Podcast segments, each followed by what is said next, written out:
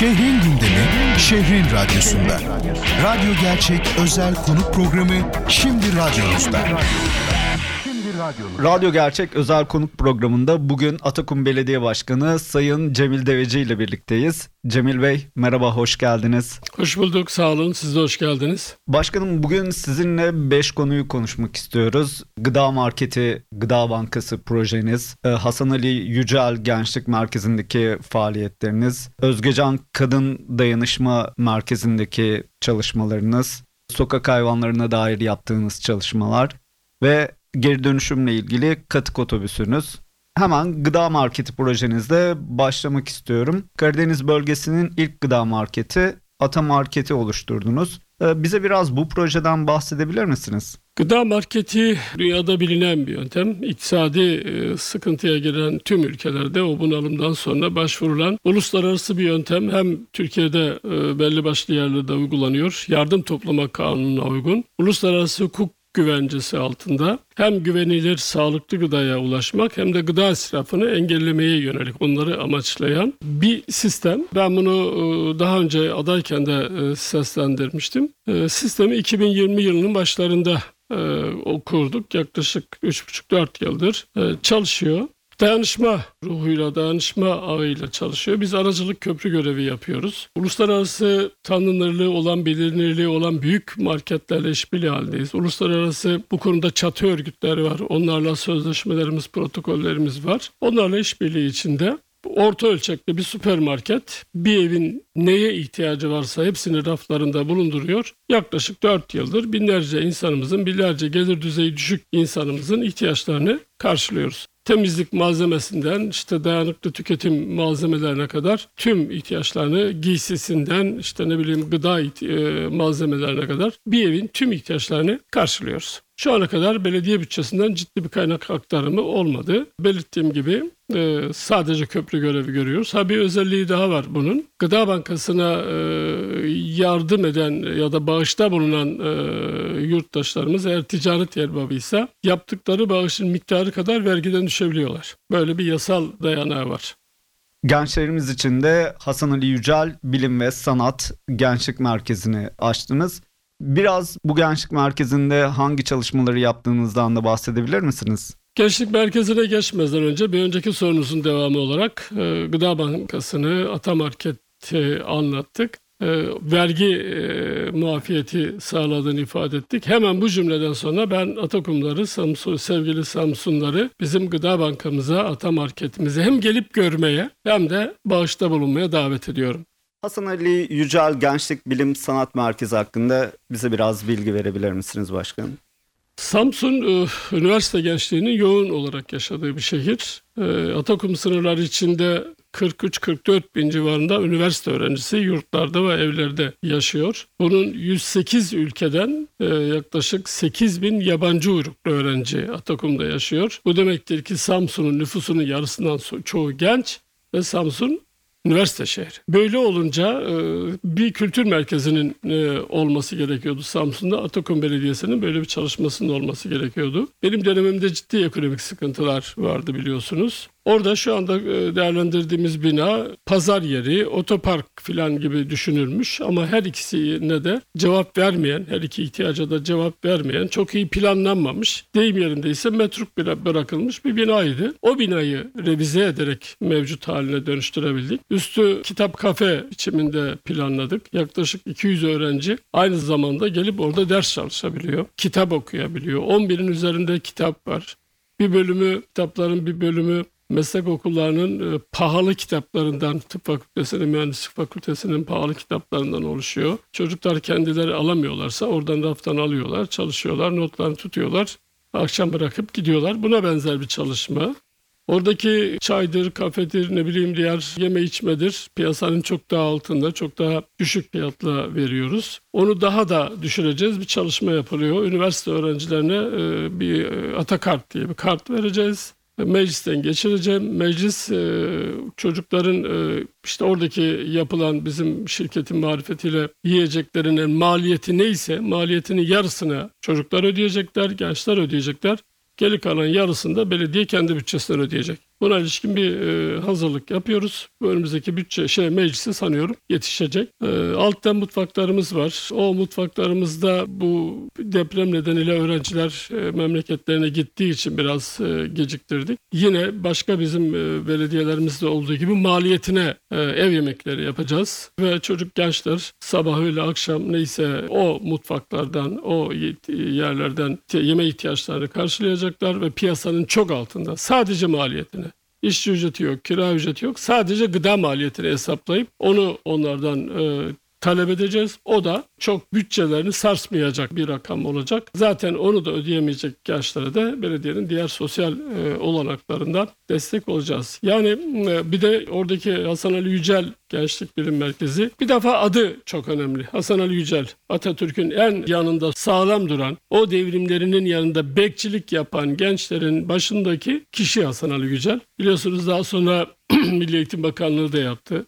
Köln kuruluşunda fikri ve e, şey desteği de olan Cumhuriyet devrimlerinin bilinen, tanınan isimlerinden bir tanesi. Hasan Ali Yüceloğlu'nun e, adının geçtiği yerde genç akla gelir. Onun için onun adını taşıyor orası. Gençlik merkezinde meslek edindirme kursları var. Dijital platformlar var. Orada o meslek edinme kurslarıyla ve diğer etkinliklerle yaklaşık günde 3000 genç o binaya girip çıkıyor. Bir, bir toplanma merkezi, bir buluşma merkezi. Gençlerin kendi aralarında birbirlerini tanımaya yönelik bir koordine oldukları, birbirlerini tanıdıkları, örgütlendikleri e, ve şeylerinde, salonlarında oturup konuştukları e, güzel bir merkez. Büyük bir ihtiyacı karşılıyor. Türkiye'de içindeki donanımı e, yönüyle o özelliklerde Türkiye'de tek. Tam bir köy enstitüsü modeli var orada. Bir üretim merkezi daha doğrusu. Kadınlar için de faaliyet gösteren Özgecan Kadın Dayanışma Merkezi hakkında da sizden birkaç kelime alabilir miyiz başkanım? Kadın e, örgütlenmesini biliyorsunuz ilk göreve başladığımızdan beri destekliyoruz. İşbirliği yapıyoruz. Türkiye'de oldum olası kadın sorunları var. Türkiye e, giderek bir Orta Doğu ülkesi e, görüntüsü ne bürünmeye başladı ve bunda kadına yönelik baskıcı şiddeti öne çıkaran e, yöntemleriyle bunu ortaya çıkarıyor ya da kendini böyle gösteriyor. O nedenle kadına kadınla dayanışma, kadının sorunlarına çözüm üretme, kadını özgürleştirme, bağımsızlaştırma ve iş hayatında, sosyal hayatında var etme yerel yönetimlerin temel görevlerinden biri olarak baştan beri söylüyor idim ve buna benzer çalışmalar yaparak geliyorduk. Özgecan merkezi, kültür merkezi olarak vardı. Yani bina olarak vardı. Adına, binasına hiç dokunmadık. Ufak tefek değişiklikler yaptık. Kullanım biçimini değiştirdik. Kadın danışma merkezi yaptık. Ne demek bu? Kadınların sosyal hayatta sorunları var, ekonomik hayatta sorunları var. Hissetmiyoruz. Aile içinde sorunları var, görmüyoruz. Bunları görebilecek psikolog, sosyolog, hukukçu, avukat bu tip destekler veriyoruz. Sorunları var olan e, kadını devletin başka kadın sorunlarının çözümüne ilişkin kadın sığınma merkezi, sosyal merkezlere yönlendiriyoruz. Devletin diğer birimleriyle işbirliği yapıyoruz. Bizim çözemediğimiz uzun vadeli yardım gerektiren, tedavi gerektiren kurumlarla işbirliği yapıyoruz. Biz öncelikle kadını e, takip ediyoruz. Kadını takip ediyoruz. Gözlemliyoruz. Kadının ilk açıldığı, ilk kendi sorunlarını aktardığı güven veren bir merkez konumundayız. Onu harekete geçiriyoruz ve ileri aşamalarda da devletin diğer kurumlarıyla işbirliği yaparak kadınların tüm sorunlarını çözmeye çalışıyoruz. Biliyorsunuz kadın kooperatifimiz de var. E, kadın işletme kooperatifini de ilk günlerde kurduk ve o da Karadeniz'de ilklerden bir tanesi, Samsun'da ilklerden bir tanesi. Onlarla oradaki e, üretimi de onların e, hem örgütlenmeleri hem üretmeleri hem de ürettiklerini pazara sunmalarına da kolaylık gösteriyoruz. Cinsiyet eşitliği konusunda farkındalık yaratmaya çalışıyoruz. Toplumun değişik kesimlerinde hem kendi çalışanlarımız arasında hem farklı meslek grupları arasında bu konuda eğitimler veriyoruz.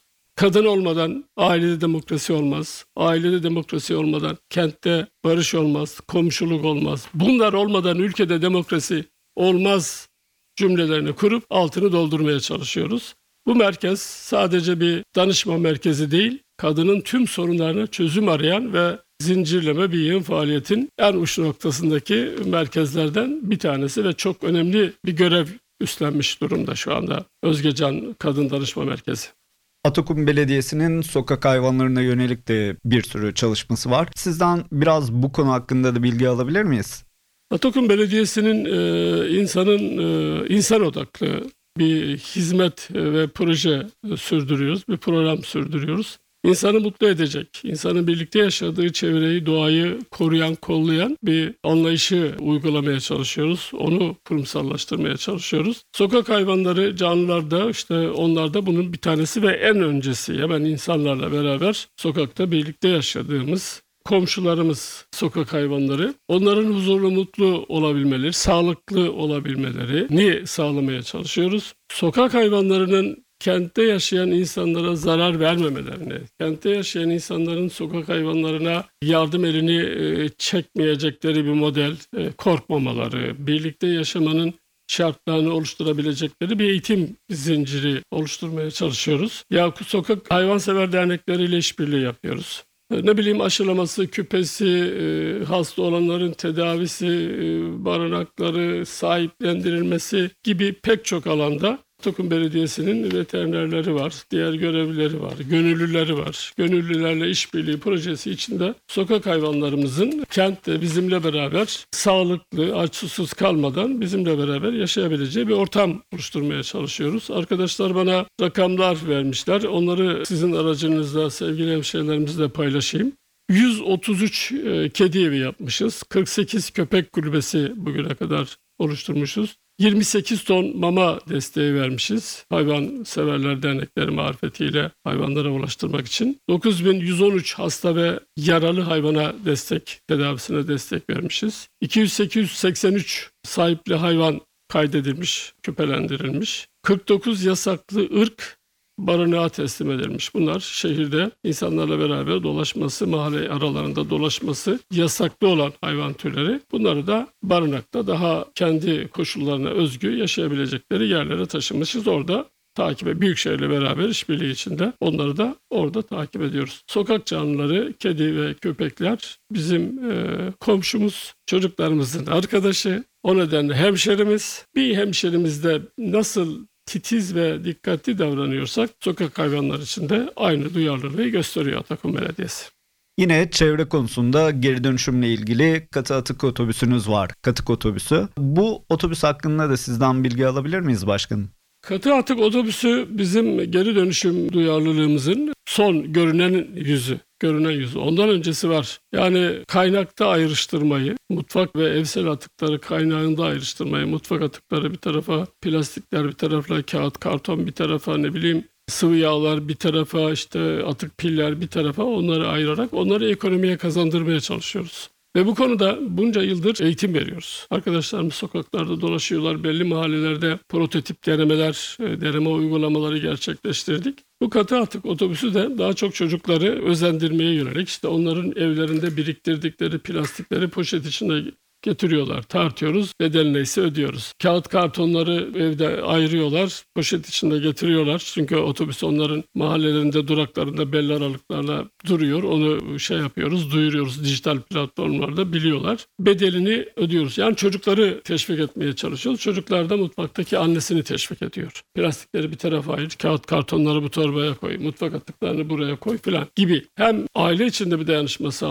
sağlamaya çalışıyoruz hem farkındalık oluşturmaya oluşturmaya çalışıyoruz. Eğitim yönünden, eğitimin pratiğe e, uygulamaya dönüşmesi yönünde hem de ailenin bütçesine çocuğu marifetiyle katkı vermeye çalışıyoruz, özendiriyoruz, eğitimi özendiriyoruz. E, bu yönüyle de başarılı bir uygulama. Türkiye'de de başarılı uygulanıyor. Burada da Atakum'da da biz bu konuda bu uygulamayla e, önemli sayıda kitlelere ve gençlere ulaşmış durumdayız. Bir bunun bir ileri aşaması daha var. E, mutfak atıkları özellikle bu bizim tüketim e, yerlerindeki lokantalardaki kafeteryalardaki mutfak atıkları, pazar atıkları ve diğer e, yeşil atıklarla birlikte kompost yapıyoruz ama onu daha e, son teknoloji uygulayacak bir takım sivil toplum örgütleriyle işbirliği halinde yapmaya çalışıyoruz. O kompost üretimi ne demek? Hem buradaki tarım e, alanında inorganik gübreden, kimyasal gübreden köylüyü kurtaracağız. Hem de onların e, hem de kimyasal, kimyasal gübrelerin gübrenin insan sağlığına ve toprağa verdiği zararı ortadan kaldıracağız, üretimi artıracağız. Ve bu konuda insanlarımızın duyarlılığını, farkındalığını, neye nasıl ne zaman ihtiyaçları olduğunu bilmelerini sağlayacağız. Ben çiftçiyim, işte babamdan gördüğüm gibi giderim değil. Çiftçiysen toprağın e, bakımı böyle olacak. İşte içinde yetiştirdiğin sebzenin meyvenin bakımı bu olacak. Bu gübreyi kullanacaksın. Bunları kullanman halinde emeğinin karşılığını alabilirsin. Daha çok üretebilirsin. İnsan sağlığına, çevre sağlığına daha çok yararın oluru köy köy, mahalle mahalle veterinerlerimizle, ziraat mühendislerimizle, çevre mühendislerimizle gidiyoruz ve anlatıyoruz. Yani köydeki yaşam tarzı, yaşam standardıyla şehirdeki yaşam standartını birbirine yaklaştırmaya çalışıyoruz. Siz sormadınız ben söyleyeyim. Biliyorsunuz biz tarımda tarıma destek veriyoruz ilk günden bu tarafa ve ata tohumunu, yerel tohumu, yerli tohumu, yerli ırkı, büyük başta, küçük başta ne bileyim ektikleri, biçtikleri, yedikleri, içtiklerinde ata tohumunu onlara ulaştırmaya çalışıyoruz. Hem bu bölgenin iklim koşullarına, doğal koşullarına uygun hem de insan sağlığına uygun. Mesela seçimden önce ben arkaki köylerin birinde rastladım. Biri çıktı dedi ki bu bölgede iki tür kaza olur. Biri traktör kazası, diğeri inek kazası. Traktör kazasını herkes algılayabiliyor. İnek kazası ne demek? Köyler engebeli, aşağı yukarı 45 derece dik, o bölgeye Tarım Bakanlığı Hollanda'dan işte Avrupa'dan ithal etmiş bir buçuk iki tonluk hayvanlar. Ağılda hayvan damda besliyorlar. Eskaza evin hanımı işte su içsin hava alsın diye dışarı çıkardıysa o engebeli arazide hayvanlar yürümeyi bilmiyorlar, beceremiyorlar. Zaten ağırlıkları gereğinden fazla ayakları sürçüyor, yuvarlanıp gidiyorlar dereye kadar. Ne yapmak gerekiyordu? Jersey ırkı. Keçi gibi. Sütü çok kıymetli, ana sütüne yakın. Eti çok lezzetli, çok değerli. Ve bir de o bölgede kendileri gezebiliyorlar. Kendi karınlarını o ormandan e, sağlayabiliyorlar. Evin işte diğer yemdir, e, samandır o tip şeylere çok fazla ihtiyaç duymuyorlar. Şu ana kadar yaklaşık 70-75 tane dağıttık. Belediye bütçesinden bir kuruş para çıkmadı. Bir yardımseverden arıyoruz bir ihtiyaçlıya. Daha çok kadınlara. Kocası şehit olmuş, oğlu şehit olmuş. Kız oğlu engelli, kocası engelli, gelir düzeyi düşük, tarımda çalışan kadın onlara veriyoruz. Yani yerel kalkınmayı, yerel kalkınma modelini belediye ve kentte yaşayan ilişkisini yaygın bir şekilde kurmaya çalışıyoruz. Ben daha evvel ilk aday olduğumda şunu söylüyordum. Her türlü sorunuzu çözemeyebilirim ama benim elim sizin omzunuzda olacak. Ne demek o? Sizin her türlü sorununuzu biliyor ve takip ediyor olacağım olabildiğince de çözmeye çalışacağım. Çözemiyorsam da da o sorununuzla ben de yatıp kalkacağım sizinle beraber. Sizden de bir şey istiyorum. Sizin iki elinizde benim iki yakamda olsun. Ne demek o? Sizin vergilerinizle oluşan bütçeyi ben kullanıyorum. Sizin adınıza harcıyorum. Paranızın nereye harcandığını sorun, sorgulayın, takip edin. Anayasada tanımlanan yurttaşlık görevinizi eksiksiz yapın. Siz yurttaşlık görevinizi eksiksiz yaparsanız belediyede, kaymakamlıkta, valilikte sizin adınıza, devlet adına kim oturuyorsa hizmeti sizin ihtiyaçlarınıza göre planlar demiştim. Ben o yolda gidiyorum. Bakalım yurttaşlarımız ne kadar dediklerimi yapıyorlar göreceğiz önümüzdeki günlerde.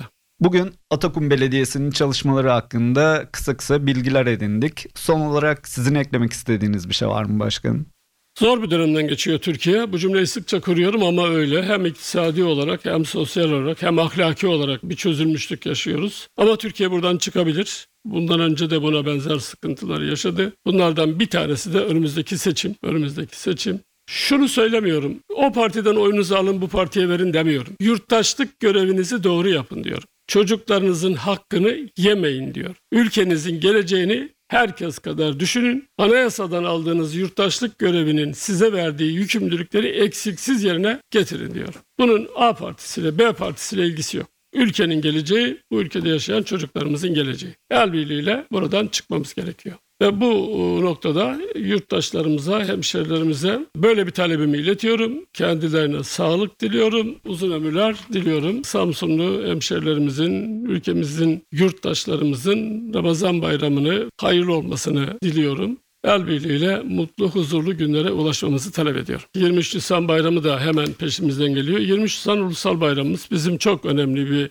bayramımız. Demokrasiye adım attığımız, e, milli egemenliğin uygulama pratiğini e, ispatlayabildiğimiz, tüm dünyaya gösterdiğimiz Türkiye Büyük Millet Meclisi'nin kuruluş tarihidir. Türkiye Cumhuriyeti'nin kurucusu Mustafa Kemal Atatürk'ün çocuklarımıza emanet ettiği önemli milli günlerimizden biridir. 23 Nisan Ulusal Egemenlik ve Çocuk Bayramımızı önce çocuklarımızın şahsında ondan sonra da milletimizin şahsında kutluyor. Şehrin gündemi, şehrin radyosunda. Anadolu'nun tek bilgi temalı radyosu.